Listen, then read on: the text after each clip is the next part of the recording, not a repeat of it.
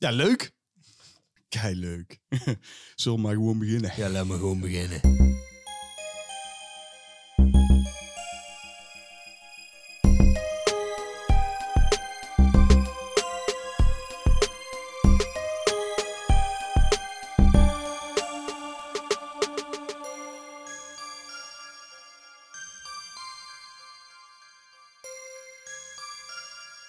Nou zeg, eh, Jean-Paul Arends. De negentiende zeker. De negentiende aflevering van Cinepraatjes, de podcast van Cinemaatjes. En dat zijn wij twee. En als je dan afvraagt, wat doen die Cinemaatjes nou eigenlijk? En wie zijn dat? Nou, daar kom je nog wel achter in deze podcast. Wat ik me dus afvraag, JP, we zitten nu in seizoen 1, de negentiende aflevering. Maar wanneer kun je zeggen, eh, het is Geslaagd. klaar met het seizoen? Nee, het Oh, seizoen oh, is eh, afgelopen. Na een jaar, denk ik. Nou, nee, eh, er ligt eraan hoeveel afleveringen jij in je seizoen plant, denk ik. Je zou kunnen zeggen voor de zomer eh, of zo. En dan een zomerstop en dan weer verder. Ja, maar ik heb helemaal geen zin in de zomerstop. Ik vind het veel te leuk om te doen. Nee, daarom. Dus we gaan waarschijnlijk nooit een zomerstop doen. Ik denk dat dit gewoon een oneindig seizoen wordt. Het ja, eerste dat is het seizoen. langste, het langste seizoen ever gewoon. Ja, dan kom ik wel in de knoei eh, ja, in mijn eh, systeem met het nummeren van de, de En afleveringen. de cinemaatjes zijn ook niet echt seizoenen. Want ik weet dat... Dus Dat hebben is, wij niet. Wij hebben gewoon één lijst en er staat gewoon alles in. ja, En dan zie je ons gewoon eh zien er ogen ouder worden en grijzer. en dan weer lang haar, En dan, weer lang kort haar. Ja, precies. Snor, geen snor. pet op, Ja, zonder pet. ik vind het heel leuk. Ja, en de Waar is jouw bril trouwens? Die heb ik eh, daar neergelegd, Oh. want eh, ik eh, heb vari, vari, varifocale glazen. Ah, En ja, dan kan ik hem net zo goed afzetten als ik hier op eh, mijn draaiboek zit te Oh, kijken. Dus zo. vandaar. Wat ook heel grappig is, JP, is dat wij natuurlijk vragen stellen aan onze ja, fans. ik vind die plaatjes altijd zo leuk die jij erbij zie- maakt. Ach ja, ik heb daar op een gegeven moment een keer verzonnen. En het ergste is als je zo'n plaatje uit een film haalt, dat mensen dan daar iets mee gaan associëren en daar aan de hand van dat plaatje een vraag gaan stellen. Ja, die, die slaan we over. Ja, die slaan we vaak over inderdaad. Maar deze keer, eh, ik vond dit een eh, leuk plaatje van eh, Spartacus. Ja, dat is heel leuk, hè? Ik heb een vraag, oh, ik heb een vraag. Het grappige van deze keer is dat we, kijk, stellen we de vraag op onze Facebookpagina, dan kan iedereen zien wat er gevraagd wordt door de mensen. Mhm. Stellen we de vraag op onze Instagram-pagina, wat dus deze keer gebeurd is, dan kunnen de mensen van elkaar niet zien wat er gevraagd is. En wat schetste mijn verbazing, en ik ga niet vertellen welke mensen het zijn geweest, want dat, Dat komt, daar, dan moet je blijven luisteren. Ja, dat komt nog, maar ja. Precies. Er zijn dus twee personen met exact dezelfde vraag geweest deze keer. Ja, dat was heel bizar. En eh, ik, ik ben niet zo bekend met heel de Instagram eh, ge- gebeuren. Dus eh, ik dacht, dat hebben ze natuurlijk gelezen van elkaar. Maar dat is dus helemaal niet. Nee, nee, want dat kunnen ze van elkaar niet weten. Nee, gewoon echt een identieke vraag praktisch. Ja. Eh, en daar hebben dus, die hebben gecombineerd. Dus blijf luisteren eh, als je het antwoord daarop wil horen. En wie het waren. Ja, precies.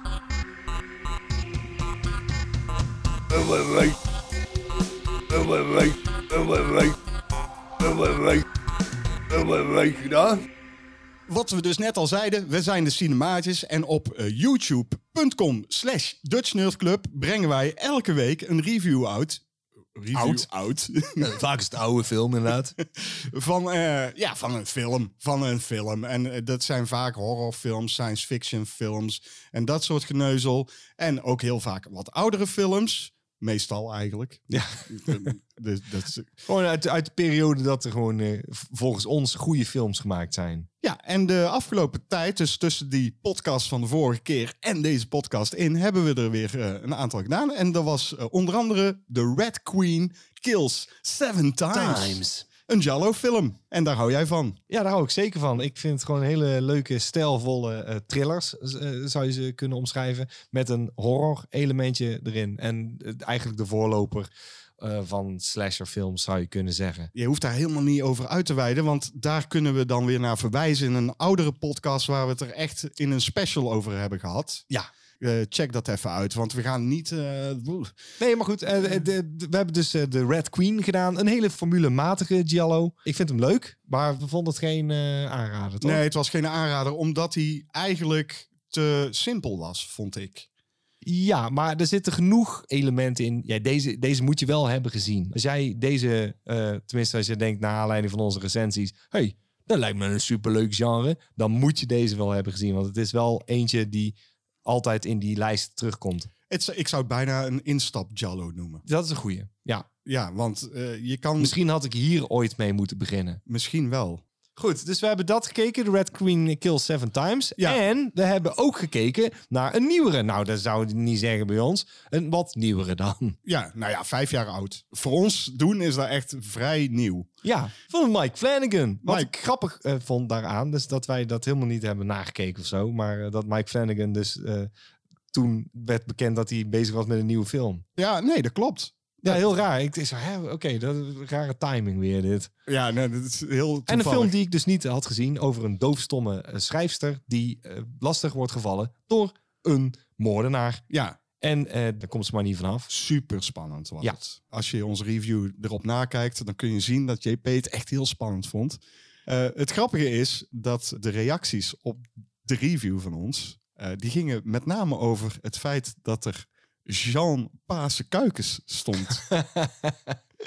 ja, Leg daar eens even uit, want... Oké, eh, voor de mensen die zich afvragen waarom ik een t-shirt eh, aan heb met Jean Paas Kuikens. Eh, nou, we hebben elk jaar met vrienden een paaspicnic. En daar ben ik eigenlijk gewoon al meer dan 15 jaar aanwezig of zo. En ik ben er altijd. En ze wilden dat huldigen met een eh, t-shirt en een oorkonde. Maar officieel ook inderdaad Jean Paas Kuikens op staat. En waarom dan die naam, zou je zeggen? Ja, Ik heet Jean-Paul Arends. En dus heb het ook leuk met een streepje tussen gedaan. Maar toen zei iemand al, waarom niet? ik zei dat. Ja, Waarom niet Jean Paase als ik, en als ik erover nadenk, dan geef ik jou gelijk. Maar ja, ik heb het niet verzonnen, hè? Nee, Nee. en het staat nou eenmaal zo op het shirtje. Ja. Het is geen bijzonder mooi shirtje, moet ik eerlijk zeggen. Nee, maar daar gaat het ook niet Maar om. met alle liefde gemaakt. hè. daar En gaat het om. Alle liefde gemaakt Ja. voor jou, JP. Of- Eh, Jean Paase, moet ik zeggen. Ja. Dus dat is de reden waarom Jean Paase Kuikens ook op de aftiteling stond. Eh, wij vonden dat een leuke inside jokeje. En die hebben we dus even geplaatst. Misschien ook omdat de review vrij serieus was. We waren hem goed aan het ontleden, deze film. Ja, soms zijn we gewoon wat serieuzer. En Ja, dat is eh, Zo kut. Ja, dat is Ja. echt kut. Want mensen, ik vraag me ook af of mensen überhaupt naar ons luisteren om onze filmkennis of überhaupt om films. Eh. of, of dat ze gewoon het leuk vinden om naar ons te luisteren omdat wij. Ik, eh, ik kwam gisteren in een boekenschop. Ja. En daar, zij herkent mij altijd van televisie. En dan zegt ze, ik kijk nooit... ik, ik lu- luister maar een paar minuten. Maar ze altijd zo lachen, jullie twee op de bank. Ja, Maar ze, ze, ze kent de films niet. En ze, ze kijkt ook maar gewoon een paar minuten. nee, ja, dat hoor ik ook heel vaak. Oh, die chemie tussen jullie twee, dat is echt geweldig. Ja, en dan denk ik, ja, hallo, we kennen elkaar al eh, 26 jaar of zo. Ja, hallo, hè? Ja. Godverdomme. mag onderhand eh, een chemie eh, tussen ons zijn. Dat dat voor sommige mensen een reden is om te kijken of te luisteren naar ons, dat geloof ik graag. En dat het helemaal niet belangrijk is of daar nou om films gaat of niet. Ik zou het leuk vinden als je er wel iets van opstak. Maar meer, meer zoiets van... God, dat is een rare film. Die ga ik eens opzoeken. Ik zag trouwens een stukje op eh, YouTube en toen dacht ik... hey, ja, dat klopt. Eh dat ging over oude videotheken. En eh, daar hebben ze inderdaad... hadden ze vroeger zo'n staff pick. Wat het personeel uit... Oh ja, ja. Ja, Ja, ja. zo moet je ons zien. Ja, dat is het, ja, inderdaad. Want eh, ik moest een, eh, een goede verklaring geven van wat doen jullie nou precies? Ja. Nou, inderdaad, als je vroeger in een videotheek kwam, dan had je altijd de keuze van het personeel. ja, En dan wist je gewoon, oh ja, die ene die houdt van filmhuisfilms en die andere houdt van horror.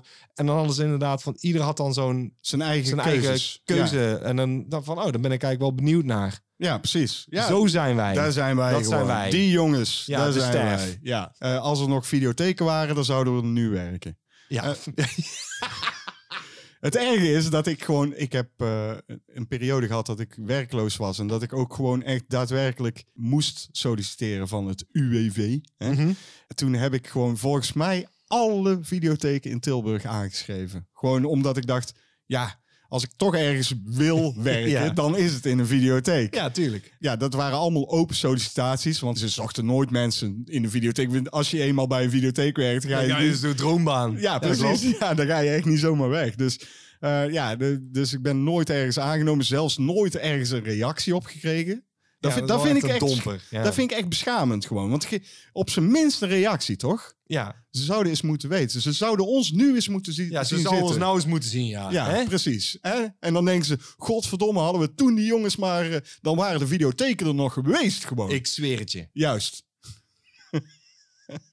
We hebben nog iets gedaan, JP. We hebben namelijk een mini-praatje gemaakt. En een mini-praatje is dus eigenlijk een mini-podcast die wij hebben gedaan voor onze maatjes. En het leuke van een mini-praatje vind ik, JP, dat we daar geen huiswerk voor hoeven te doen. Ja, dat klopt. Oh, maar weet je hoe lang ik bezig ben geweest trouwens eh, voor het op... Blijf luisteren, hè? Weet Ja, je? ja, absoluut. Ja, want ik krijg altijd huiswerk mee, dus zo voelt het ook. En toen zei William van... hey, eh, heb jij dit, heb je de special al gedaan? Special? Oh, fuck. Ja. Ik had wel alle andere vragen had ik al gedaan. Ik had al iets eh, van nieuws opgezocht. En toen zei hij, de special. Special? Oh Ja. ja, kut. Dus oh, hè? man, Ja. drie uur mee bezig geweest. Echt waar? Ja, drie uur. Serieus? Ja, maar kidding. Ah, nee, ik ben er echt heel snel doorheen gegaan. Maar dit voelt af en toe echt als huiswerk. Ja, En die mensen denken allemaal van, oh, dat is dat is makkelijk. Ja, een beetje nee, lullen tegen elkaar. Ja, Ja. nee, dat is helemaal niet zo makkelijk. Fucking hell. Nou nee, je hebt al podcast bij, maar dan hoor je het ook aan af. Dan Ja. denk je ook van, ja meneer, eh, is gewoon eh, zet de microfoon aan, lult en eh, in de ruimte. Maar dan heb je geen podcast. Je moet wel een beetje huiswerk doen, hè? Kom. Die vraag ook, dat is vooral het huiswerk, vind ik meestal. Ja, maar dan weten mensen ook van, oh, die hebben er wel tijd in gestopt. Dat je het even weet. We krijgen echt behoorlijk goede vragen. Hè? Dat klopt. Ik moet echt heel diep in mijn geheugen graven. Eh, ik, eerst word ik boos en dan is dat alsof ik dat weet. Ik weet het niet gewoon. Wat wat is dit? Ja, Oké, en daarna ben ik gekalmeerd en dan ga ik hem beantwoorden. ik heb precies hetzelfde eigenlijk. Wie is er Godverdomme. vrouwelijk als ik, als ik die en die zou zijn geweest? En dan, uh, wat? Daar denk ik toch niet over na, man, gek. En dan, en dan daarna is van, oh wacht, als ik echt over nadenk, dan die. Ja, en toch bedankt voor alle vragen. Moet ik wel even zeggen, want anders... Ja. Maar dit mini-praatje hebben we dus gewoon een beetje slap lopen ouwe hoeren. We hebben wel iets uit de kast gepakt. Dit keer een boek. Dat was een gaaf boek. Ja, wil je eh, weten welk boek? ja. Luister dan naar deze mini-praatjes. En die kun je dus eh, doen als je iets eh, meer geld ons toeschuift. Het gaat ons niet om het geld. Nee, het gaat niet om het geld. Maar en over dat geld gesproken, daar hebben we het ook over gehad in ons mini-praatje. Wat gaan we met dat geld doen? Ah, daar hebben we dus? dus vijf positieve reacties al op gehad. Hè? Oh, En, sterker nog, één van onze maatjes die zei... Ja, en dan, dan neem ik mijn vrouw mee en dan mogen jullie haar titel signeren. Nou, Dus, eh, ja, ja. Nou, En toen zei ik, moet ze wel eerst maatje worden, anders komt ze niet binnen. Hè?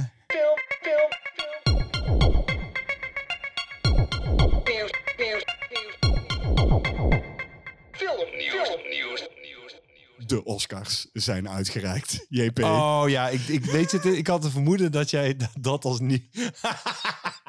Dat was het makkelijkste nieuws wat Dat ik kon klopt. vinden. Ja, nee, maar wel goed dat je het aanhaalt. Eh, inderdaad, als je deze podcast nu beluistert, deze week, dan zijn ze inderdaad vorig weekend eh, geweest. En de grote winnaar is Nomadland van Chloe Zhao.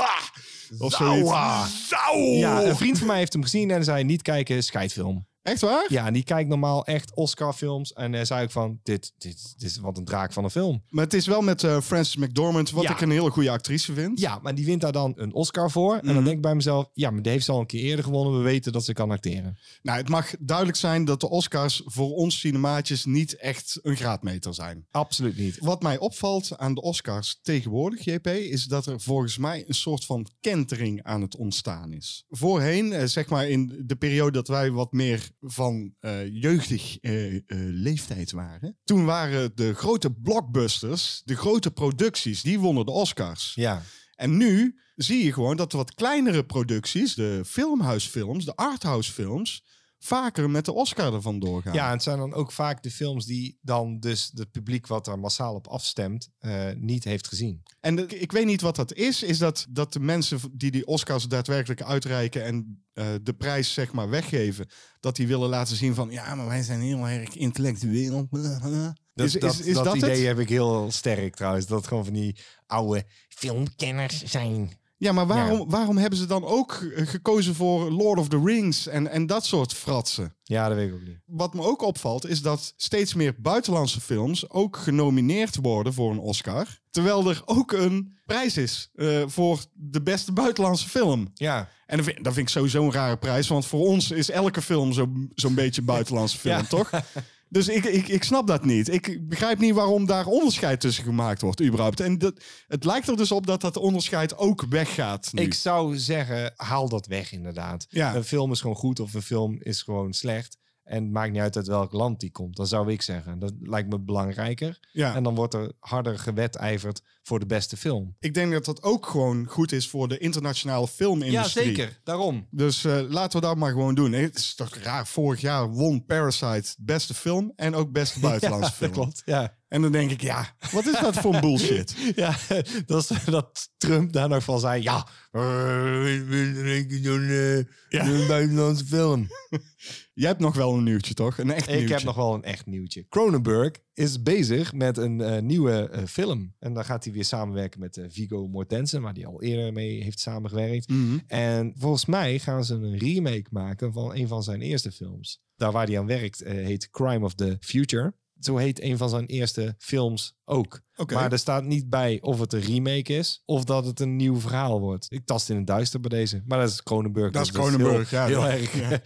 Dat lijkt me duidelijk dat je Heel dan in het duister tast. Ja, dat is wel toepasselijk. Ja, ja, ja, ja. Interessant. Cronenberg is sowieso een interessante filmmaker, vind ik. Ja, ik vind het Eh, niet per se altijd goed. Er zal er eh, vast nooit een Oscar mee winnen. Verrassend is het altijd. Juist. Klaar met nieuws. Ik ook. Ja, ik ben er helemaal klaar mee.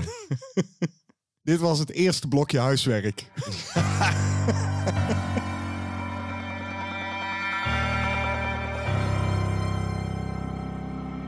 Wat heb je nou in godsnaam weer gezien? Nou, JP, eh, dat mini-praatje waar we het over hadden, daar hebben we dus eh, dat boekje uit de kast gehaald. En toen dacht ik, fucking hell man, die Planet Terror, die heb ik al lang niet meer gezien. Ik zet gewoon Planet Terror op! En, Ehm zal ik eerst even zeggen waar die over gaat? ja, in het kort. Het gaat over eh, Cherry Darling, dat is een go-go-danseres. En zij stopt daarmee, want ze heeft er genoeg van. En vervolgens gaat ze op weg naar een of ander barbecue-restaurant. En dan wordt ze bijna aangereden door een aantal militaire voertuigen. die op hun beurt weer onderweg zijn naar een of andere militaire basis.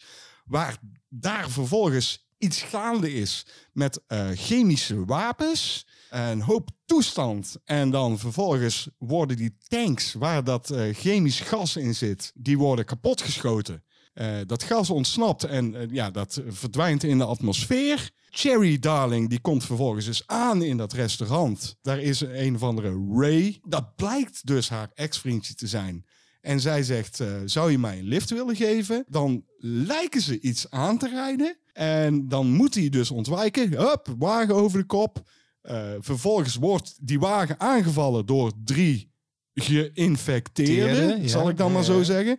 Cherry wordt uit de wagen gesleurd. En eh Ray erachteraan met zijn wapen. En hij eh, schiet vervolgens die drie geïnfecteerden van Cherry af. Wat blijkt? Haar been is eraf. Hup, naar het ziekenhuis. Wat blijkt er in het ziekenhuis allemaal aan de hand te zijn? Mensen met zwerende pusbollen op hun gezicht. En dan vervolgens eh, blijkt dus dat er gewoon een of andere zombie-uitbraak eh, bezig is. Nou, En dat is Planet Terror. godverdomme. Het is natuurlijk een tweeluik. Eh, Letterlijk. Gewoon twee like. twee likes. voor, mij, voor mij en voor jou. Ja, precies. Het is een, een twee like film. Nee, het is een, het is een, twee likes omhoog. Het is een tweeluik. Eh je hebt dus Planet Terror en Dead Proof. En Dead Proof heb ik al zo vaak gezien. Wat mij opviel aan deze film eh, is het, het doet die Grindhouse eer aan hè, van, van vroeger. Eh, misschien dat jij dat beter uit kunt leggen. Dat, dat waren gewoon smerige B-films. Exploitatie, dus, dus het, het viezige. Ja. eh, de, de, de blote borstjes. Ja. Het eh, vlees wat uit elkaar gescheurd wordt. Ehm, die Grindhouse vibe, die willen ze dus in die film laten zien door dat er allemaal krassen op de film zitten. En, en, ja, alsof en het inderdaad eh, zo'n Ja. zo'n eh, zo'n Ja. veelgedraaide drive-in bioscoopfilm is. Ja, precies. En op een gegeven moment dan mist er ook gewoon een, een scène. reel. Ja. Ja. Wat me opviel bij deze film, en ik had dat niet bij Dead Proof in mijn herinnering, is het stoorde me op een gegeven moment. Ik vond Ja. het too much gewoon, echt. Bij deze is het ook too much. En dat is bij Dead Proof niet. ik, op een gegeven moment dacht ik van, what the fuck man, hou eens op met al die krassen. Echt, ik weet het nou wel. Echt, serieus. Eh, wat wel heel gaaf is, dat eh, de special effects zijn fantastisch. Die smerige zweren. Eh, je ziet Echt ballen smelten. Eh, je hebt echt twee fucking gave holy fucking shit momenten erin zitten. Ik weet het. Ja, nee, de props zijn gaaf. eh, De special effects zijn geweldig. Dat Ja. klopt. En toch op een of andere manier, en daar, daar hebben we het over gehad in onze eh, mini-praatje. Ja, deze deed het hem niet voor mij. En ook al zitten al die elementen erin. Maar het- toegegeven, het is echt een... Ja, wel, het zou een feestje moeten zijn. Dat is het. Nou, weet je, hij keek wel echt lekker weg. En dat kwam met name ook door de snelle edit, eh, vond ik. De shots waren ook gaaf. De special effects waren vet. Wat ik al zei, het ziet er zo gaaf uit. Want die mensen die smelten en die zweren. En oh man, echt, ik heb al een paar keer gewoon... Eh, oh, gadverdamme, heb ik echt zo zitten kijken. En wat ik ook heel goed vond, was de musical score van deze film. En het grappige is, ik heb dat nog even nagezocht. Het deed me namelijk heel erg denken aan John Carpenter. Uh, Robert Rodriguez, uh, de regisseur van deze film, die heeft John Carpenter daadwerkelijk willen vragen. En toen heeft hij toch besloten om het zelf te doen. En hij heeft zelfs de score van Escape from New York gesampled. Ja, ja, ja. Ik moet eerlijk zeggen, ik snap ook waarom ik hem niet vaker heb gekeken. Want het is gewoon niet zo'n interessante film. Terwijl Dead Proof veel interessanter is qua verhaal. Ja, en die vinden heel veel mensen stom. Want dat begrijp ik niet. Van, nou, dan, dan weet je te weinig van die periode van film maken af, denk ik. Robert Rodriguez, Planet Terror, a grindhouse feature. Wat heb jij gezien? Uh, Nobody. Ah, ja, met Bob Odenkirk. Buitengewoon uh, gave acteur. En hij kan een hele hoop. En ook dit kan hij. De, een actieheld zijn. Want het gaat over een beetje een lulletje ja. rozenwater... die uh, inderdaad de vuilnis moet buiten zetten. En dan vergeet hij dan. En hij heeft een vrouw en kinderen... en die kijken niet echt naar hem om. Maar, maar hij zit een beetje in de sleur. Gaat naar zijn werk, hij kan saai, in, inklokken. Boe, boe, boe. Maar op een gegeven moment... dan wordt er midden in de nacht bij hem ingebroken twee uh, jonge mensen, lijkt, mm. uh, die inderdaad gemunt hebben op snel, snelle cash. hij moet zijn horloge afgeven. En ja, goed, hij lijkt niks te doen. En zijn zoon die vindt hij echt vervelend. Die zoon is een jaar of 16, 17. En kijkt een beetje van, waarom doe je niks? Het, het lijkt echt zo van, oh, wat je, weet je wel. Zijn kookpunt wordt bereikt de volgende dag. Als hij erachter komt dat een halsbandje is gejat voor misschien een huisdier wat ze wilden gaan kopen. Dan gaat hij uh, verhaal halen. Hij heeft onthouden dat er een tatoeage op een arm staat. En kennelijk is Bob Odenkirk heel goed in het opsporen van degene die dit hebben gedaan. die weten van niks. En dan zit hij op een gegeven moment in de bus.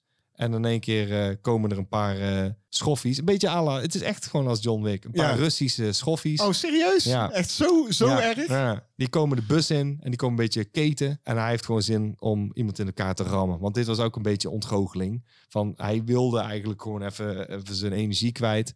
En dat kan hij daar doen in die bus. Eh, hij lijkt een beetje roestig. Want je komt er al snel genoeg achter. Holy shit. En Zelf eh, krijgt ook al flink wat klappen. Maar eh, die, ja, dan heb je natuurlijk een boze eh, Russische baas. En die komt er dan al heel snel achter van wie, wie de, dit en dat. Dan gaan ze zoeken wie het is. En degene die het onderzoekt zegt, en dit is de naam en ik stop ermee. Ja. Maar ik vind haar reactie is het allergaafste. Dit is de naam en ik ben er daar. Ik doei, stuur de rekening maar na en dan loopt ze de deur uit. Van oké, je weet gewoon, dat is iemand waarmee je niet mee had moeten fucken. Maar het is gewoon een no-nonsense uh, wraak-actiefilm. Helemaal. Oké. Maar deze heeft een veel langzamere opbouw dan John Wick heeft. Ik vond het geen slechte film. Eh, heel veel verwantschappen met hetzelfde verhaal als John Wick. eh, vanwege het feit dat er een Russische maffia achter zit. Maar ik denk dat het een beetje het teken van de tijd is ook. Bob Odenkirk doet het fantastisch. En het is gewoon een hele fijne, toch vlotte film geworden. Oké, vind je het een aanrader? Ja, zeker. Dus eh, Ik heb me prima vermaakt namelijk. De film was afgelopen en dacht ik, dit is gewoon echt een feestje. Klaar. En nee, het is niet vernieuwend. Dus verwacht niet van, nou, dat heb ik nooit gezien. Dat is onzin. Maar als je John Wick niet hebt gezien, dan is het zeker een aanrader. oké. Maar eh, als je John Wick hebt gezien, dan vind je deze ook gaaf. Het gaat geen prijzen winnen. Zeker niet eh, voor eh, originaliteit. Maar Bob Odenkirk is echt een gave hoofdrolspeler. En het is gewoon leuk. Super mooi bruggetje dit. Want ik heb een film gekeken die wel een prijs heeft gewonnen voor Nou. originaliteit. Who the fuck are you? Me? I'm nobody. Ik heb namelijk gekeken naar Promising Young Woman. Oh, Eh, die is een Oscar-winnaar. Ja, en die heeft dus inderdaad de Oscar gewonnen voor beste original screenplay. Original screenplay. Juist. En Dus is dat terecht? dat ga ik eh, zo meteen vertellen. Ik ga eerst even vertellen waar die over gaat natuurlijk. Cassie is een eh, jonge vrouw van eh 30. Maar door een voorval tijdens haar opleiding op de medische universiteit is er eigenlijk iets gebeurd daar waardoor ze is gestopt met die eh, studie. En nu werkt ze in een koffiebarretje. Ze woont nog bij haar ouders. Het is echt geen pretje, haar leven. S'avonds, s'nachts eigenlijk moet ik Mhm. zeggen, gaat ze naar clubs. En dan eh, doet ze net alsof ze heel erg dronken is. eh, waardoor ze door mannen wordt opgepikt die daar dan misbruik van willen maken. En op het moment dat dat gebeurt, dan merk je dat ze dat veel vaker doet. Want eenmaal thuisgekomen na zo'n voorval met, zo, met een van die mannen, en dat gebeurt een paar keer in de film, dan zie je dat ze een schriftje pakt en dat ze gewoon aan het turven is. Hoeveel mannen, en ze schrijft ook de naam van de man erop. Wat ze precies met die mannen doet, dat weet je helemaal niet, maar goed, daar kom je later wel achter. In het koffiebarretje waar ze werkt, komt er een jonge man binnen. En die blijkt dus bij haar op die universiteit te hebben gezeten. Die herkent haar ook. En die is eh, daadwerkelijk echt geïnteresseerd in Cassie. En dat heeft ze eigenlijk nooit met mannen. Je ziet het ook natuurlijk in die clubs. Zo'n eh, verstandhouding met mannen heeft zij niet. En Nee. zij raakt zelf ook verliefd op die jongen. Eh, maar omdat hij bij haar op school heeft gezeten, rakelt dus ook dat hele verleden van die medische universiteit. En wat daar is voorgevallen, steeds verder naar boven. Ah, oké. En zij was waarschijnlijk wel een goede studente. Ja, laat ze zich verder niet over uit. Ze is een vrij eh Nors persoon eigenlijk. Maar door de aanwezigheid van dat eh, gastje die haar dus interessant vindt, bloeit ze eigenlijk een beetje op. Wie speelt de hoofdrol? Eh, de hoofdrol wordt gespeeld door, het is gek genoeg, een Britse dame. namelijk Carrie Mulligan. Oh, die ken ik wel. We- verder zitten er echt een shitload aan bekende gezichten in. Je hebt Bo Burnham, die stand-up comedy gast. Ja, ja, ja. Alison Brie.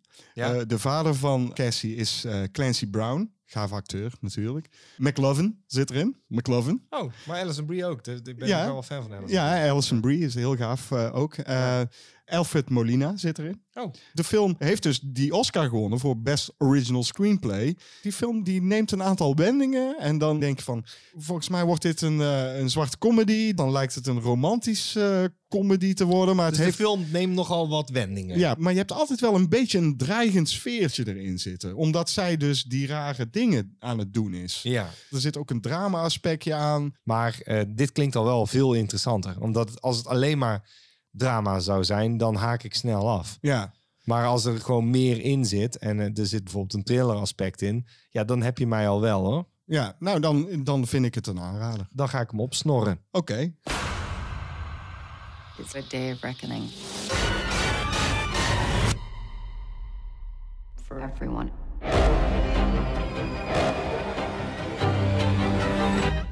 Hashtag Alive heb ik gekeken. Oh, Oké, ja.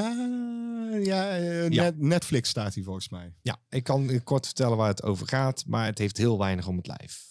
Het is wel een, eh, een degelijk gemaakte film. Het uitgangspunt is eigenlijk heel eenvoudig. Een jongen eh, zit in een flat, zijn ouders zijn weg en eh, hij is lekker aan het gamen. En uh, bla. En ik hoort hij uh, ambulances buiten, politie. Ja, ja. Op het nieuws is er ook van, hé, hey, er is een uitbraak. Ook een uitbraak. Alweer een uitbraak. Nou goed, dat wordt al heel snel be- bekend dat allemaal mensen elkaar bijten en cannibalistische trekken vertonen. Kortom, zombies. Dus hij blokkeert al heel snel de voordeur, want er komt een buurman binnen. "Oh, je moet me helpen, dit, moet dit, dit en dat. eh." En nou, die laat hij binnen met zijn stomme harses. En die gaat heel even naar de badkamer, dan blijft iets langer weg. Dan hoort hij op televisie inderdaad van, ja, maar ze hebben dan bloed lopen ogen en ze hebben een infectie en een drang naar vlees. En dan pakt hij al een mes.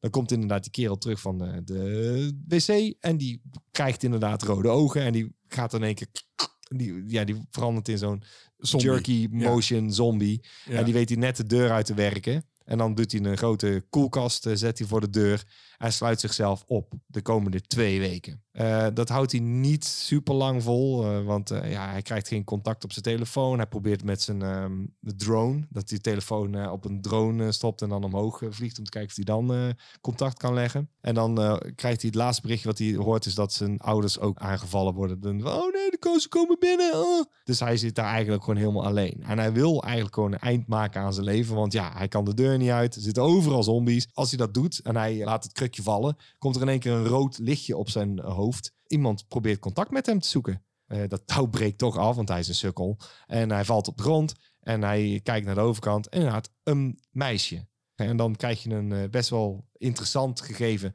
Eh, want zij zitten aan de flat aan de overkant. Mm. Maar er zitten kleine, ja, wat zou ik zeggen, 50 meter tussen. Ze hebben dan nog een touw waarbij ze elkaar kunnen, de dingen kunnen sturen. Het is heel schattig. eh, maar het is een hele cliché, eh, standaard eh, zombie filmverhaal. Want je kunt maar een paar kanten op met een zombiefilm. Dat Dat is is zo. het. Ja, je kunt naar een of ander eh, gebied gaan wat afgesloten is, beschermd wordt door de soldaten. Ja, je, je kunt wachten dat het leger je komt helpen. Ja, Ja, dat dat, dat, dat zijn bijna, dat, dat zijn Dat is bijna ja, alles zijn bijna alle, alle dingen. Nou, dat had deze film dus ook. En toen dacht ik bij mezelf, ja, ja. Wat mij het meeste stak, denk ik, bij deze film is de onmogelijkheid waarbij, want hij is echt onhandig, hè, die hoofdrolspeler. Hij doet het, ze doen het alle twee goed, hoor. Dat meisje doet het goed, hij doet het goed. Dus daar ligt het niet aan. Maar dat zij nooit gebeten zijn, dat is belachelijk. Op een gegeven moment dan komen er allemaal zombies de trap op en dan pakt hij een fiets. ja. En met die fiets duwt hij die zombies af. Nou, ik kan me niet voorstellen dat er niet één zombie toevallig in zijn hand of in zijn arm of in zijn pols heeft gebeten. Want een eh, klein wondje zou al genoeg zijn. ja, dat zou geno- genoeg zijn. Ja, Dat dus. Ik Ja. zo, fuck off. Hij is gewoon nul keer gebeten, joh, rot op. En daar kon ik niet tegen, want het, het gegeven is namelijk sterk genoeg. Zo van, had dan die scène er niet ingeschreven dat hij werd aangevallen, maar dat hij gewoon voorzichtig genoeg is. Tuurlijk, er zitten scènes in dat die zombies hem opmerken en dat hij stil moet houden. Nou, dat is, dat is goed gedaan. Had het dan zo gehouden? Ja, eh, nee. Eh, is de aanrader? Nee. vroeger, ik weet nog dat wij vrij jong waren, Mhm. Eh, dat wij echt wel van zombiefilms hielden. Als je het echt hebt over Dawn of the Dead uit, eh, uit- van, van Romero. Ja. ja, die vind ik vet. Ja, die is gaaf. De laatste twintig jaar zijn er gewoon te veel zombie-dingen uitgekomen. Snelle zombies, rennende zombies. Ja, precies. Eh, en eh, nou, hou eens op, joh. Oké, doe er dan echt iets unieks mee. Bijvoorbeeld een, eh, een Wreck deed er nog iets unieks mee. En dat deed me dit af en toe aan denken. Omdat ik dacht, het is één locatie. En dat, Ja. dat vind ik op zich leuk.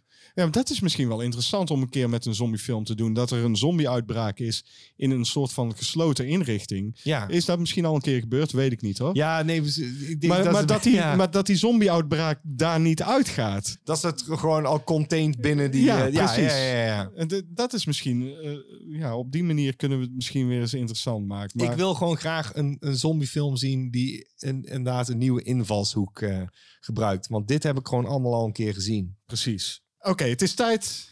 Om Om, Coca-Cola Lighta. nee, het is tijd om even iets uit de kast te pakken. Mm. JP. Dat is wat jij zegt.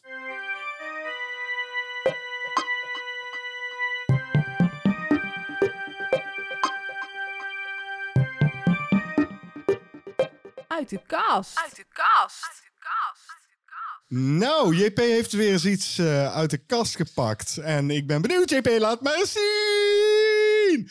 Dazed and confused. Een comedyfilm uit de jaren 90, hè, volgens Ja, mij. meer coming of age. Ik heb hem wel eens eh, gezien, JP. Serieus. Ik ook. En eh, ik moet eerlijk zeggen, ik was toch niet zo van deze film. Misschien moet ik hem nog eens een keer een kans geven. Want eh, het is... Wat nou- Mila Jovovich zit erin. Godverdomme, lekker baas. Ja, maar die heeft zo weinig tieten. Dat maakt er niet uit, man. Jawel, af en toe, Nee. af en toe dan, Nee. dan wil ik Nee, gewoon... maar interesseert me niks, ja, als het maar ja, lekker ja, kontje ja. heeft. Goed. Ehm, ik heb deze film gezien in Ja. Center Parks. Oh, Ja, in 1994. Had een enorme grote checkbel, helemaal gevuld met wiet. Ja, dan is het leuk. En eh, lekker stomen, jongens, stomen. en toen kwam deze film eh, bij het aanbod. Want dan had je nog zo'n eh, zender die de hele tijd films uitzond. En eh, nou, daar hebben we lekker naar zitten kijken... terwijl we een dikke jonko of tien aan het roken waren. En dan is hij goed te pruimen, hoor. Dat kan ik je wel daar, vertellen. daar geloof ik wel, want er, er wordt ook flink gebloot hè, in deze film. Ja, Ik- het is, het gewoon een, me- eh, een heerlijke stoner coming-of-age eh, film. Daar is niks mis mee. Dit is gewoon een, eh, een hele fijne film. film is uit de jaren 90, als ik me goed herinner. Maar speelt zich af in de jaren 70. Dat klopt. Ik weet niet of ik dat geloofde, zeg maar, toen ik die film aan het kijken was. je zou eerder, als je zo de plaatje ziet op de achterkant, denken... Dat is jaren 90. Ja, Dat klopt. Ja, dat klopt. Ehm, grunge, zie ja, grunge. ja, ja, grunge, dat klopt. Even kijken. De tijd van marihuana en wij de pijpen. Oh, wij de pijpen. Wij de pijpen.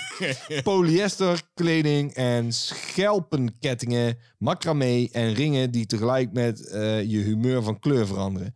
We dansten de rock en roll. We dansen de rock and roll. We dansen de rock and roll. We dansen de rock and roll. Rock and roll. We dansen Rock and and rock and rock and roll. Eh, we waren uitgeput en onschuldig, maar vooral dazed en confused. Hoezo Wat een we? goedkope. Hoezo we? Ja, weet ik veel. Wat een scheid fucking. Wat, is voor, voor, voor leme. Ja, maar er gebeurt ook niet zoveel in die film. Nee, dat mij. maakt ook helemaal niet uit. Want Ja. in dit geval maakt mij dat ook niks uit. Ze, ze proberen een tijdsbeeld neer te zetten. En eh, dit is ook een teken van de tijd. Want wij waren die Ja. tieners. Ik herkende mijzelf in een van die tieners daar. Dat klopt. Dat is wel zo. Eh, misschien omdat ik toen geen tiener meer was. Oh jawel. Nou, nee, jij Ja. was al een oude lul toen. Nee, maar ja, jij zegt eh, ze proberen een tijdsbeeld te schetsen. En dat tijdsbeeld schetsen is wat mij betreft mislukt. Volgens mij heb jij hem op onze lijst gezet. Ik heb hem zeker op onze lijst. eh, Dat betekent dat hij misschien een keer langs gaat komen. Want ik wil best nog een kans geven. Echt ik serieus. heb hem al heel lang niet gezien. Dus misschien is dit wel eentje die we binnenkort gewoon gaan doen. Laten we dat gewoon afspreken. En dan is het gewoon weer klaar met dit item.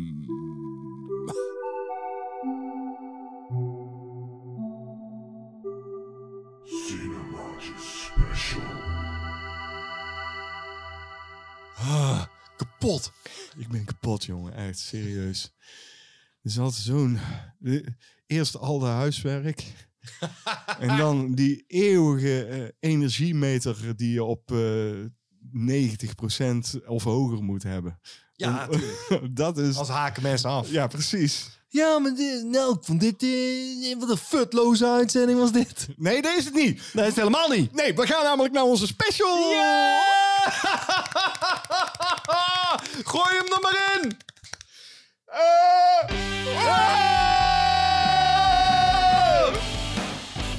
Special!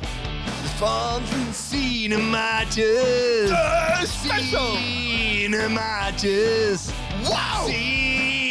Cinemaatjes special. De special, JP. Nou, eh, we hebben het ons eh, zelf maar weer eens eh, goed makkelijk gemaakt. Daarom had ik het... eh, Nou, goed makkelijk. ja, goed makkelijk. Makkelijk, moeilijk bedoelen we eigenlijk. Want deze is echt buiten onze comfortzone. Nou ja, precies. Ja, nee, want, wel. Oké, ik wel. hou van films. Wij houden van films. Absoluut. Alleen de special gaat. Zeg maar, zeg, waar die over gaat. Ja. Hij gaat over de Oscars. Uiteraard gaat hij over de Oscars. Maar jij hebt natuurlijk weer zo'n hele leuke William-insteek toegepast. dus hij zei, we gaan het hebben over alle Oscars. Gewoon alle, alle, eh, alle, alle, alle, alle, alle, alle, alle, alle Osca- Oscars. En eh, dan, eh, Dan dan gaan we- ja, dan gaan onze eigen eh, lijst samenstellen van wat wij nou gewoon vonden. Van wie had eigenlijk toen moeten winnen. Hij zei van wel Nee. van alles. Nee. Dan heb jij je huiswerk niet goed gedaan. Ik heb er drie uur met bekken mee bezig geweest. En we gaan, oh godverdomme, ook afhandelen ook. Nee, de opdracht was de Oscars. Die zijn allemaal gewonnen. Ooit door iemand. Ja, hè? In, in ja. alle categorieën Ja. zijn er winnaars geweest. En over al die 93 edities die er zijn geweest, al die winnaars gaan wij naast elkaar leggen. En dan zeggen we: oké, van al die winnaars, welke vinden wij dan de aller, allerbeste? Ik dacht dat de bedoeling was. Nee. Jawel. eh, eh, de- welke ik het beste vond. Oh, JP. Nou Dat goed, wij hebben heb dus eh, een dubbele special vandaag Ja. eh, over de Oscars. Oké, dus we gaan een aantal categorieën eruit halen. Ik ga op mijn beurt zeggen van wie vind ik de Oscar-winnaar in die categorie aller tijden. Van alle Oscar-winnaars die die categorie ooit gewonnen hebben. En JP die gaat iets anders zeggen. Ik heb geen idee wat. Want hij heeft gewoon de opdracht niet goed begrepen. Maar goed, daar gaan we dan.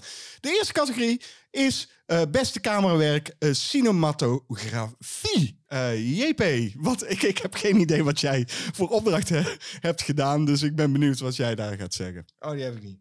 Godverdomme, ik zal jou nog eens uitzeggen. Ja, ik, ik, heb ik niet. Sorry. Nou, goed, ik heb daar wel. Eh camerawerk cinematografie, die heeft dus een hele hoop winnaars gehad. En eh, de beste winnaar, ik denk dat ik ga kiezen. En dat komt door mijn foto-achtergrond voor Roma uit 2018 van Alfonso Cuarón. Terwijl ik eigenlijk ook een beetje twijfel tussen hem en Vittorio Storaro, die het camerawerk voor Apocalypse Now heeft gedaan in 79. Maar ik kies voor Roma. Goed, dan gaan we naar de volgende categorie. Nou, ik ben benieuwd wat JP gekozen heeft bij de beste filmmuziek. Het is altijd John Williams. Ja. Ik moet wel even uitleggen wat ik heb gedaan. Ik dacht dat wij onze eigen... Nee, eh, dat nou, heb ik eh, niet eh, gezegd. Ja, dat is wat ik ervan heb gemaakt. Ja, nou, oké. maar, Maar dat vond ik, vond ik leuker. Ik zei van, oh ja, wat, wat ik liever had gezien. Want, Ja, maar- had ja, maar dat- dat is- John Williams met Jaws en de andere eh, honorable mention Superman. Oké, nou, eh, dus jij vond eigenlijk dat John Williams met Jaws had moeten winnen. Ja, absoluut. Nou, die heeft gewonnen in 1975. Dan, eh, dan, dan gaat hij, dan Nee, vervalt maar hij. nee, nee, dan vervalt hij. Nee, nee, wacht. Nee, nee, nee, nee. vervalt. Ja, ja, maar je moet wel Indiana. Jones en de Temple of Doom. Nee, maar John Williams. Ja, ja nee, maar mijn keuze was ook John Williams met Jaws uit 1975.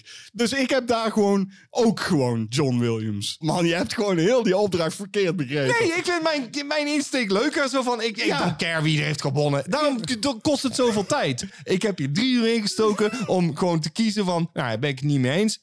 Maar wie zou ik kiezen? Dat heb ik gedaan. Oké, dan wil ik... Drie uur mee bezig Dan wil ik eh, van jou horen, wie had jij graag voor beste originele scenario willen zien winnen in het jaar 2007? Dat heb ik niet gedaan. Nee.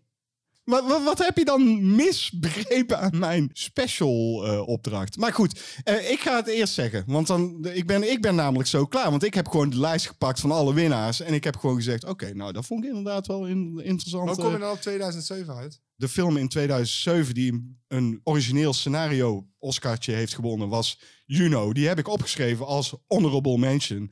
Ik vind dat niet dat die aller tijden het originele scenario had moeten winnen. Want dat vind ik Fargo in 1996 door de Coen Brothers. Oh, zo op die fiets. Nou, Ja. eh, ik heb er twee. Back to the Future. Uiteraard, van eh, eh, Robert Zemeckis en Bob Gale. En de andere is Memento van Christopher Nolan en Jonathan Nolan. Ja, ik ben helemaal met jou eens. Maar En ik heb expres die dingen gekozen van die hebben niet gewonnen. Die zijn wel genomineerd, maar die zijn het niet geworden. En toen dacht ik, hoe kan dat? Ik dacht dat dat de bedoeling was. Ik Nee, dat was mijn eigen kennis. Nou, maar dat is leuker. En dan- hou ook alsjeblieft mijn ding aan. Ik wil gewoon... Nee, eh, maar, ja, we doen gewoon, eh, we doen gewoon onze specials door elkaar. Maar maakt het uit. Eh, beste vrouwelijke bijrol. Nou, dan ben ik wel benieuwd wie jij daarvoor gaat noemen. Want eh, ik had heel slechte keuzes. Ik heb eh, Julian eh, Moore in Boogie Nights. Ja, is goed. En ik heb ook Virginia Madsen in Sideways. Mhm. En als extraatje, of eh, honorable mention, Rooney Mara in eh, Carol. Ik heb echt mijn best gedaan hoor. Ja, nee, ja, ik heb ook mijn fucking best gedaan. Ik heb fucking heel die lijst. Wie had jij dan? Nou, ik heb dus gekeken tussen alle mensen die alles ooit gewonnen hadden. En Eh, dacht je, nou nee. Ja, daar stond niet veel tussen. De- maar eh, als ik dan toch moet kiezen, dan kies ik voor Marissa Tomei in My Cousin Vinny. En die won het beeldje in 92. En mijn honorable mention is Kim Basinger in eh, LA Confidential. Ja, is een veel makkelijkere huiswerkopdracht had ik Ja, jou nee, gegeven. ik keek, oké, ik dacht dat we een makkelijke opdracht. Ik ben Daarom vond ik ook zo... geweest. Ik vond het zo raar dat je er drie uur mee bezig bent geweest. Ja, ik heb echt mijn best gedaan. Oké, beste mannelijke bijrol. Zal ik maar beginnen deze keer? Ja, graag. ja. Ehm, Mag ik raden? ja, ik, nee, ik weet welke jij gaat noemen. Dus ik ga raden. Ik ga zeggen dat jij Sam Rockwell noemt. Nee. Oh, Maar nou, die klopt, die, die had dat ook gekund. Ja, ja. nou, maar dit is een honorable mention voor Ja. mij. Eh Heath Ledger, honorable mention. ja tuurlijk. In The Dark Knight dat- in ja, die- 2008. Die heb ik ook staan. Ja.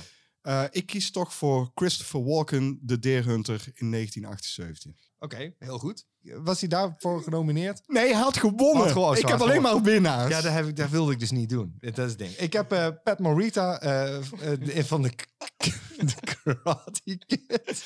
Oh god. Ja, en ik heb ook Willem Dafoe als Max Shrek in Shadow of the Vampire. Mhm. Dus die. Nou, dit is de, de, de, de, Heerlijk chaotisch, maar leuk! de waardeloosste special ooit. dit is de leukste! Oké. Oh, dit is de gaafste! Oké, eh, beste acteur. Moet je nagaan, trouwens, want ik heb dus alle... eh, Alle, alle, alle, alle, alle! Ik heb alle winnaars bekeken. En eh, ja, natuurlijk grijp je eerder terug naar je jeugd en gewoon de jaren dat jij geleefd hebt. Dus beste acteur, noem jij maar eerst. Want jij hebt geen Oscar-winnaar Nee, ik heb geen Oscar-winnaar. Dus degene die een Oscar had kunnen winnen, eh, vond ik echt al terecht. Want dit keer echt gewoon bijzonder. Jack Nicholson in About Smith.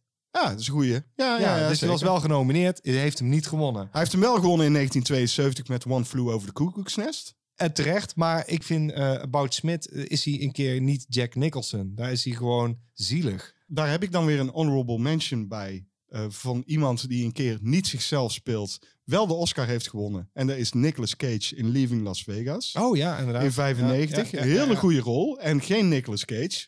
Eh, nog een honorable mention die ik heb is Philip Seymour Hoffman in Capote. De- Wat ik daar weer raar aan vind is hij speelt iemand. En dat is makkelijker, denk ik, om, Ja. om na te doen. Je kan je daar helemaal in duiken.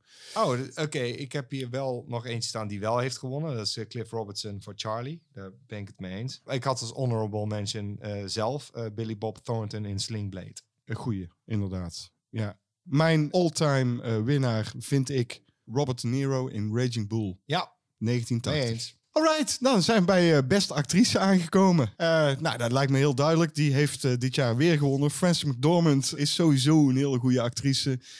Dus, Heeft al een keer eerder gewonnen met Fargo, dus met Fargo en met Three Billboards outside Ebbing, Missouri. helemaal terecht. En dat is gewoon een hele goede actrice. De, ja, wat mij betreft is zij ook gewoon de overal winnaar. Fargo. Eh, ja, ik zou, of ah, je had ook kunnen zeggen Kathy Bates, denk ik, met Misery. Heb ik opgeschreven als een van de eh, Honorable mentions? eventuele honorable mentions. Ja, ik ga natuurlijk altijd voor Rooney Mara en The Girl with the Dragon Tattoo. Mhm. Wel eh, genomineerd, niet gewonnen. Supergoeie rol. Als je het boek hebt gelezen, dat is Lisbeth Salander. Ja. Echt perfect gedaan. Dus ja, absoluut.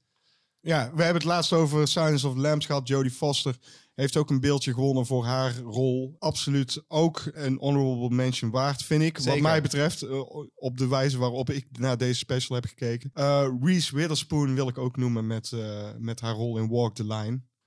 Eh, nou, dan gaan we naar de laatste twee eh, en de belangrijkste categorieën van de Oscars. Op een totaal andere manier hebben wij deze special aangepakt. Ja. Eh, JP, beste regisseur, zeg het eens. Er zijn er twee die op één gedeelde plek eh, staan dan. Martin eh, Scorsese met Goodfellas. Heeft hij niet gewonnen, dus dat slaat nergens op. Maar eh, eh, eh, logisch, toch? En de andere is Stanley Kubrick met 2001. Heeft Dus hij niet ge- gewonnen? Nee, heeft niet gewonnen. Nou, dat begrijp ik niet. Op de manier waarop ik deze special aangepakt heb, eh, zou ik zeggen als honorable mention de Coen Brothers voor No Country for Old Men.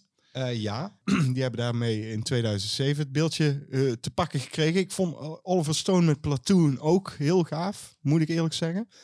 Maar ik kies toch voor Francis Ford Coppola voor The Godfather 2. Twee. Ja, ik kies voor twee. Oh, dan heb ik nog een honorable mention. Kurt Hansen voor LA Confidential. Ik dacht dat we het zouden benaderen vanuit de cinemaatjes eh, optiek. Dat was mijn hele insteek. Nee, maar dat is precies waarom ik het een keer niet vanuit de cinematische optiek wilde doen. Ja, zie je, dat kan ik dan gewoon niet. Nee, dat kun je niet. Dat nee. blijkt. En Ja. ik heb het jou twee keer uitgelegd, JP, Nee, maar deze lu- luister ik gewoon niet. Nee, je hebt niet geluisterd. Dus jouw beste film. Ja, die, die slaat nergens op, want die heeft waarschijnlijk helemaal nooit iets met de Oscars te Oké, maken de gehad. nummer 1, Shawshank Redemption. Die- en die heeft niet gewonnen, want eh, die is gewoon gegaan naar fucking Forrest Gump. Ja. En dat kan ik niet uitstaan. Nee. Vind ik zo stom. Nou, ik ben het helemaal jou eens. Mijn beste film. En, en dat vond ik kut hoor. Want de beste films. eh poeh, dat waren niet de beste films hoor van die jaren. Nee. Daar kan ik jou wel eh, op een presenteerblaadje geven. Nee, daarom. Ja, nee, dat snap ik. Maar, maar ja, goed. Daarom heb ik er met mijn cinematische ogen op deze manier naar gekeken. Dus eh The Science of Lambs hebben we het al over Ja, gehad. die staat mij ook ertussen. Die wil ik noemen als honorable mention. Ik noem nog een honorable mention. Ik noem namelijk Platoon.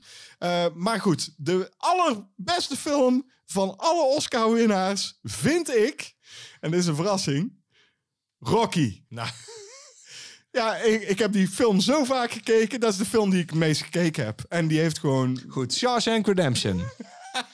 Nee, Rocky, man. Fucking hell. Ik kies gewoon Rocky. Kan mij uitverrekken. Vragen, vragen, vragen. Je kunt het aan ons vragen in de vraagbak.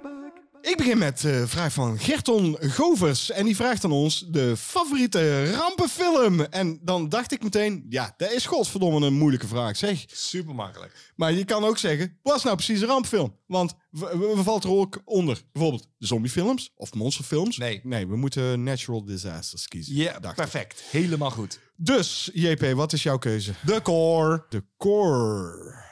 Wist ik dat jij dat Ja, zou gaan om zeggen. alle verkeerde redenen is het helemaal geen goede film. Maar hij is zo vermakelijk. Nou, ik ben helemaal niet zo van de natural disaster movies, moet ik eigenlijk zeggen. Dus wat ik heb ge- gedaan is, ik ben in mijn geheugen gegaan En mijn geheugen die laat me vaak in de steek. Maar in deze keer had ik zoiets van... Nou, ik heb er wel één in de bioscoop gezien. En dat was best wel impressive. Twister. Oh, ja, ja, dat is een goeie. Ja, als ik dan toch moet kiezen, dan vind ik dat misschien wel de gaafste. En al die andere films met die vulkanen en shit, ja, het interesseert me niet. Dat soort films interesseren me gewoon niet. En bij Twister vond ik het nog wel leuk. Sowieso heb je natuurlijk eh, Bill Paxton. Ja. Eh, ja, gaaf acteur. En eh, Helen Hunt, volgens mij. Ja. Dus ja, Ja, volgens mij wel. ja. Ja, En Jan de Bond. Jan de Bond. Gewoon op zijn Frans. Jan de Bond. dus die. Ja, de- Nou, dus Gerton, dat zijn onze keuzes. We gaan gewoon door naar de volgende vraag. Je moet een beetje zachtjes doen met je papiertje. nee, want dan hoor je. Ja, dat maakt niet uit. Jawel, dat maakt wel uit. Het is ook een hoorspel. Nee, Jawel. dat is het niet. Doe maar. Doe maar ook. Dank je. Volgende vraag is van onze Patreon. Patreon! Patreon van. Hoof. Patreon van, Van Hoof. Peter. ja, zo duurt het ding inderdaad anderhalf uur. Ja. Eh, in welk filmhuis zou je willen wonen? En hij bedoelt natuurlijk niet een filmhuis als een bioscoop waar ze filmhuisfilms draaien. Maar hij bedoelt huizen die in films te zien zijn. Exact. Tenebrae. Degene die aan de buitenkant eruit ziet als een soort eh ride-achtige woning? Of bedoel jij die Mhm. andere? Waar, waar die vette camera move. eh, dat huis. Nee, ik bedoel, niet, ik bedoel niet dat huis eh, waar dat meisje heen rent. Maar ik bedoel, ja, oké, bedoel want die huis... heb ik. Die heb ik. Oké. Tenebrae. Eh, Ja, ik heb die Jij andere. bedoelt eh, Villa Ronconi. Ja, dat zou best kunnen. Ik Ja, weet dat niet heb ik opgezocht. Ja. En die andere is La Villa del Critico. En die is helaas gesloopt. Oh. Want ik heb een YouTube-filmpje gezien. die is Zij- gesloopt. Ja, zij, ik zag iemand die was dus... en die komt op een gegeven moment op zo'n terrein. En dan, is dat, dan zijn ze daar aan het bouwen. Dan zijn ze aan het filmen. Het is 2015. En zij komt daar binnen. Het is gewoon helemaal dezelfde fucking woning. En die schilderijen die hangen daar nog gewoon. Ik zo, Oh. hè? Wat zijn ze dan doen dan? Gaan ze daar slopen? Ja, dat is gewoon tegen de vlakte gaan gegaan. Oh, dat, Ja, dat vond ik echt kut. Ik zeg maar goed. eh, dus ook eh, heb ik uit Tenebrae, maar ik heb meerdere dingen opgeschreven. Ik heb ook natuurlijk. meerdere dingen opgeschreven, maar we moeten het kort houden. Oké. Weet je wat ik kut vond aan deze vraag is? Want ik woon liever in een stad. En bijna alle huizen die ik gekozen heb, die liggen afgelegen of in de bossen of eh, weet ik veel, buitenwijken, weet je wel. Ik noem bijvoorbeeld Ex Machina huis, vond ik echt vet. Ik wist dat je die ging noemen. Die- Maar is dat een locatie die bestaat? Ja, Oké. dat is. Ja, dat is. Ik heb dat Want ik ben daarvan uitgegaan. Ja. Je moet het kunnen bezoeken en het moet gewoon kloppen binnen en buiten. Oké. Ik heb een huis uit eh, The Long Goodbye, natuurlijk. Oh Eh, ja, Die Eh, high tower waar hij woont. maar dan wel met eh, de buurmeisjes. Ja, ja, ja. Maar dat is gewoon, niet, ja, maar dat is dat hele appartement. Die heet eh, de High Tower en die zit in de Hollywood Heights. Oké, ja. Eh, en nummer één is eh, voor mij het huis uit eh, Blow Up. Het is een eh, studio van een fotograaf. En dat is toepasselijk, want het gaat over een fotograaf. En die bestaan nog steeds. Ik heb eh, de vergelijkingsfoto's gezien. Helaas hebben ze de balken die in de film eh, houtkleur zijn, hebben ze wit geverfd. Ja. Ja. dacht ik, waarom? Want dat is helemaal niet nodig.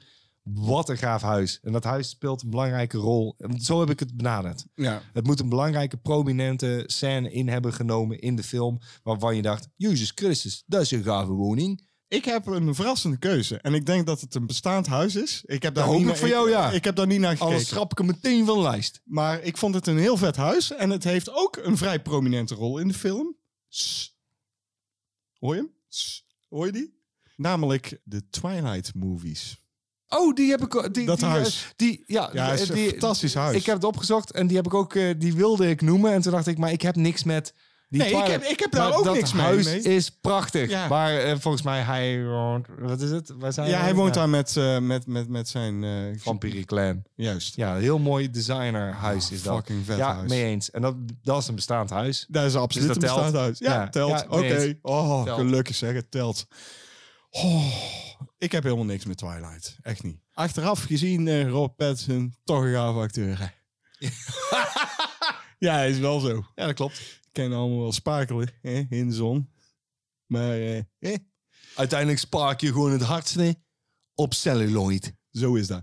Volgende vraag is van eh, Lucas Koning. Heyo! Eh, die heeft eh, eigenlijk een vrij simpel te beantwoorden vraag gesteld. Hebben jullie iets met sketch comedy shows of films? Bijvoorbeeld Anti-Donna en Monty Python? Ja, Ja, Goed, volgende vraag. Ehm, nee, eh, eh, ja, zeker. Ik zou, maar hij wil natuurlijk weten welke. Ja. ja. eh, ik heb opgeschreven, waar ik enorme fan eh, van ben, That Mitchell en Webb Luke. En ik heb ook opgeschreven, uiteraard Monty Python. Ja. Sure. Eh, eh, En The Fast Show. Ja, ja, nou Monty Python daar heb ik een mooi verhaal over. Want, Ik ook. Eh, het is namelijk zo dat eh, op mijn middelbare school onze Engelse leraar, eh, meneer Veldman, die hield heel erg van Monty Python. En die hield niet zo heel erg van lesgeven, had ik het idee af en toe. en toen ging hij dus gewoon Monty Python draaien. En dan, dan ging hij dus... ja, niks doen eigenlijk. en wat, wat hij ook wel eens deed, omdat hij dus zo van Monty Python hield, haalde hij grapjes uit. En hij gaf ons dan wel eens eh, een, een proefwerk of zo, weet je wel. En dan ging hij net doen alsof hij de krant ging lezen. Dus toen dacht iedereen van, oh, ik, dat kunnen we gaan afkijken. Dus hij pakte een krant, weet je wel. En wij waren allemaal aan het werk, zo ons proefwerk bezig. En toen sloeg hij die krant op. En dan had hij twee van die kijkgaten in zijn krant geknipt. Het is zo grappig. Ook een keer dat hij gewoon... Dan had hij Monty Python opgezet. En toen eh, zaten wij dus allemaal daar te kijken. En toen ging hij op het bord ging hij een kussen tekenen. En dan ging hij zo met zijn stoel naar achter hangen. Ging hij zo tegen dat kussen aanhangen. En toen Klinkt dacht- als een fantastische leraar. ja, dat is een super gave leraar. Maar hij kon ook echt streng zijn hoor. Dus eh, je moest niet met hem fucken gewoon. Eh, maar die heeft wel, Monty Python, eh, heeft die liefde doorgegeven aan mij gewoon, zeg maar. Ik ben daar opgekomen toen ik eh, negen jaar oud was. Ik woonde vroeger in een huis en we hadden geen kabel. We hadden gewoon alleen maar antenne. En als ik bij mijn oma op bezoek ging, en die woonde in Den Haag. eh, die hadden wel gewoon natuurlijk gewoon een kabel, dat is moderner. En daar was een keer Monty Python op. En ik keek echt verbluft naar eh, The World's Deadliest Joke. Ja. En ik had nog nooit zoiets grappigs gezien. En ik was gewoon vol verbazing van... Wat is dit? ik kon gewoon niet bevatten dat er mensen waren die zoiets grappigs hadden verzonnen. En daar heb ik altijd onthouden van Monty Python. ja, opschrijven. Flying Circus. Juist. En niet eens opschrijven. Thuis. En toen eh, VPRO, die eh, ging op een gegeven moment in de herhaling. Want uiteraard is het duizend keer herhaald. Ik heb een videoband gekocht. Ik ben het gaan tapen. Want ik, ik kon er niet over uit over hoe fucking gaaf ik dat vond. Agent on Clocks die heeft de volgende vraag aan ons gesteld. En die vraagt aan ons, geven jullie EGA's ook goed bedoelde adviezen tijdens horrorfilms? Nee, niet daarin gaan. Of ik zou gewoon niks of ei doen. Kwam hij op tijdens het kijken van Freaky eh, trouwens. Dus eh, dat schijnt een te soft film te zijn voor zijn vrouw. Eh, nou, vertel JP, jouw EGA. Die, die zegt niks, want ik heb geen ega. Dus, William, jij. Ik heb wel een EGA. Mijn EGA die, die kijkt eigenlijk nauwelijks horrorfilms. En die probeer ik dus wel aan de horror te krijgen. En dat kun je dus volgen in deze reeks podcasten die wij hebben gemaakt. Als zij dan zitten kijken, nee, zij, zij geeft eigenlijk geen adviezen. Het enige wat ze dan zegt is, eh, als ze iets doms doen of zo. Oh, wat slecht. Oh, ik vind deze film zo slecht. Dat zegt ze dan. En dan denk ik, ja, het is misschien een slechte keuze inderdaad. Maar de, dat maakt toch niet de hele film slecht. Dat is het enige wat ze dan zegt. En ze kijkt af en toe weg en zo. Maar ja, ze, ze geeft geen adviezen. Ik ben zelf heel erg van de adviezen. Dus wat dat betreft ben ik jouw ega die wel eens op de bank zit. En die dan zegt, ja, doe godverdomme dat licht eens aan. Doe dat licht nou aan. Nee, niet daarheen. Gewoon weg hier. Dat klopt. Ja, dan ben ik jouw ega, JP. Eh, de volgende vraag is van eh, Retro Game Papa. En eh, die heeft een best een moeilijke vraag gesteld, vond ik. Eh, welk film of script zouden jullie graag verfilmd hebben gezien door een andere regisseur? En welke zou dit dan moeten doen? Ik heb gewoon een lijstje opgezocht. Want ik, dit zijn van die vragen, dan denk ik, ja, dat weet ik toch niet, man. Ja, dat zijn, dit, is, dit is echt zo'n huiswerkvraag. Ja, dat is een huiswerkvraag is van. een typisch- Daar denk ik nooit over na. En eh, als al, dan, dan denk ik gewoon, als een film gewoon niet geslaagd is, is hij niet geslaagd. Dan denk ik niet, nou, ik denk dat die regisseur het beter had gedaan. Nee, soms dan hoor je dat een regisseur een film of een project gaat doen. Ja. En er dan eh, vanaf is gehaald. En dat je dan denkt, hmm, oké, dat, is- dat is kloten. Want dan had ik dat wel willen eh, zien met die regisseur. Zeg maar gewoon wat. Ik heb er een paar opgeschreven, want ik kom daar heel moeilijk uit. Eh, Eh, ik weet, goed, maar snel uit. Want we- eh, Lord en Chris Miller zouden eigenlijk solo hebben gedaan van Star Wars. En toen dacht ik, ja, had dat maar gedaan. En dan heb je eh, Ant-Man van eh, eh, Edgar Wright. Ja. En die is daar dus van afgestapt. En dacht ik, had het maar gedaan. Want er zitten heel veel elementen in dat ik dacht, dat had een Edgar Wright film moeten zijn. Ja, ja. En dan nog een andere waarvan ik hoorde dat die dus niet door is gegaan. Neil Blomkamp's Alien. Daar is hem. Dat is vervelend. Ja. Gewoon Alien. ja. Eh The Purge vind ik een goed concept, eigenlijk. Alleen niet zo heel goed uitgevoerd. Zet daar John Carpenter op, dacht ik. En dan krijg je misschien een heel gave film. Ja, nou, goed. Ja, toch? goed. Eh, ik heb er nog één. Eh, we hebben zelf gekeken naar Dirty Harry. Oh, en ja. toen dachten wij, godverdomme, wat een incompetent film is dit eigenlijk. Als David Fincher dat had gedaan. Nee, Walter Hill. Oh ja, dan wel. Walter Hill. Zet Walter Hill daarop. En dan heb je godverdomme een goede Ik denk film. dat je. Walter Hill gewoon op iedere film kan zetten. Ja. En dan wordt het gewoon sowieso de gaafste film. Punt. Juist. Dus dat is het antwoord op alle films. Ja, Ja, Walter alle, Hill. Alle films zouden sowieso gefilmd kunnen worden. omdat we geen ruzie willen met Walter Hill. Precies, dat is, dat is ons antwoord. Retro game. Papa. En dan zijn we bij de laatste vraag. En dat is de vraag waar we het eh, in het begin van deze podcast over gehad hebben. Mhm, Ja. Dat is namelijk eh, de vraag die gesteld is door twee verschillende personen. Ja. Iets anders verwoord, ja, maar het is exact dezelfde vraag. Zij vragen namelijk aan ons... welke movie quotes naast gewoon weg hier... dat ze, heeft één van die twee eh, erbij gezet... gebruiken jullie in het dagelijks leven? En de vraagstellers zijn Wibbly Wobbly, Tarman Fever en Kenny Lewis. Ja, alle twee dezelfde fucking vraag. Ongelooflijk. Ja. Dat is ongelooflijk. Ik vind dat ongelooflijk. Dat is echt gewoon eigenlijk genoeg over onze, on- onze fans, vind Ja, ik. Ja, dat klopt. Dat zijn gewoon gave gasten. Eh, nou, zal ik maar gewoon beginnen dan? Ja, mag ik... ik, ik, ik, ik Ja, jij weet, jij weet wat ik ga zeggen, want ik zeg dat vaak. Dat klopt. Eh, ik, ik weet dit. En ik ga alleen maar zeggen dat eh, officieel zou het dus eigenlijk uit de film zijn die eh, Ja, de, ja, ja, de ja. Coven Ja. is. Ja. Maar eigenlijk is hij uit de American Movie. Juist. Ja. Ja. Ik kom daar later Wekelijks. op. Wekelijks. Ja, bijna dagelijks zelfs. Ja, Eh. omdat, omdat je gewoon elke keer dat als antwoord kan geven. Ja. Zeg het maar gewoon.